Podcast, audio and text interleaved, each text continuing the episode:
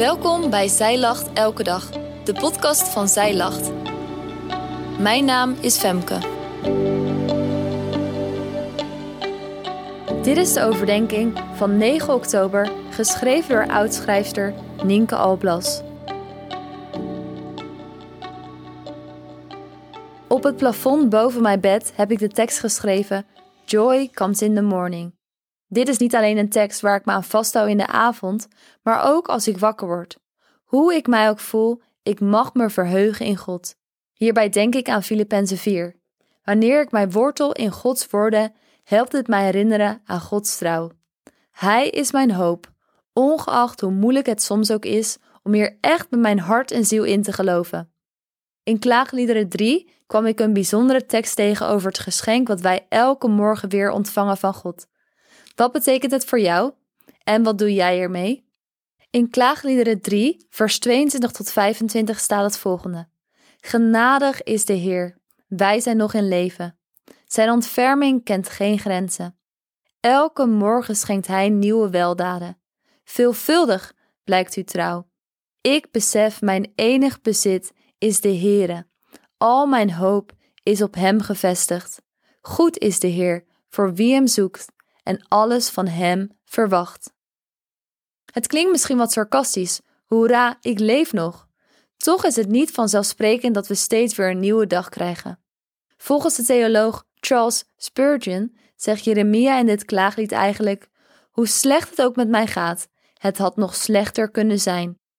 Ik had kunnen vergaan en dat had met mij moeten gebeuren als de Heer niet naar mij had omgezien.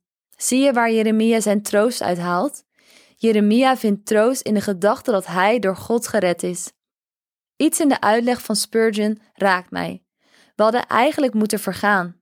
Ik sta er eigenlijk maar zo weinig bij stil. Eigenlijk heb ik dit leven niet verdiend, maar ik krijg het wel, elke morgen.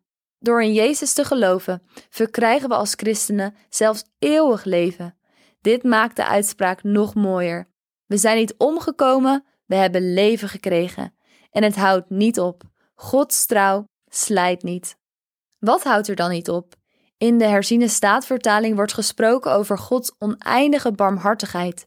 Barmhartigheid betekent een liefdevol omzien, zorg voor iemand, ontferming en genade. Dit is er opnieuw, elke morgen. Het is niet een hergebruikt iets of een versleten gevoel dat God naar ons uit. Het is iets dieps en oneindig groots.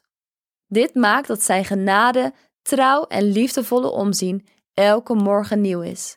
De schrijver van dit klaaglied ontdekt steeds meer en komt tot het besef: dit is heel veel. Uw trouw blijkt veelvuldig. Er is heel veel genade voor elke morgen weer. Elke morgen is het een geschenk en jij mag het geschenk elke dag uitpakken. Ken je nog het gevoel dat je je schoen hebt gezet en in de ochtend de trap afrent om te ontdekken dat je een cadeautje hebt gekregen? Doe jij dat ook richting God? Zet jij je schoen van verwachting en ontdek je elke ochtend weer dat er een geschenk op je wacht. Verheug je hier nog over en pak je het uit? Dit zijn mooie vragen om af en toe aan jezelf te stellen. Je mag je hart toetsen en met God hierover praten, nadenken en bidden. De klaagzanger komt tot een besef. Gods trouw is mijn enige bezit.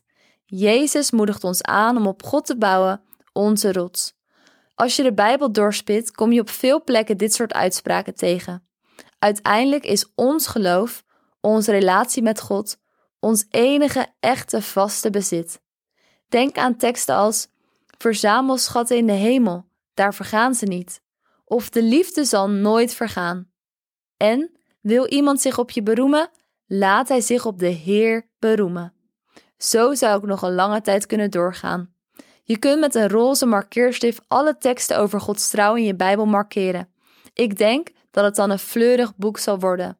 In de tijd dat de klaagliederen geschreven werden, was Jezus nog niet gestorven. Toch had de schrijver van het lied al een diep besef van Gods liefde. Hij voelde zich dankbaar en door het besef van Gods trouw hield hij hoop. Dat de zanger elke dag nieuwe trouw en genade ontdekte als hij opstond, maakte dat hij wist dat het goed was om steeds een nieuwe dag mee te maken. Dankjewel dat jij hebt geluisterd naar de overdenking van vandaag. Wil je de overdenking nalezen? Check dan onze website. Je vindt er ook meer toffe dingen die jou helpen om de Bijbel vaker te openen, zoals boeken, Bijbels, cursussen en evenementen.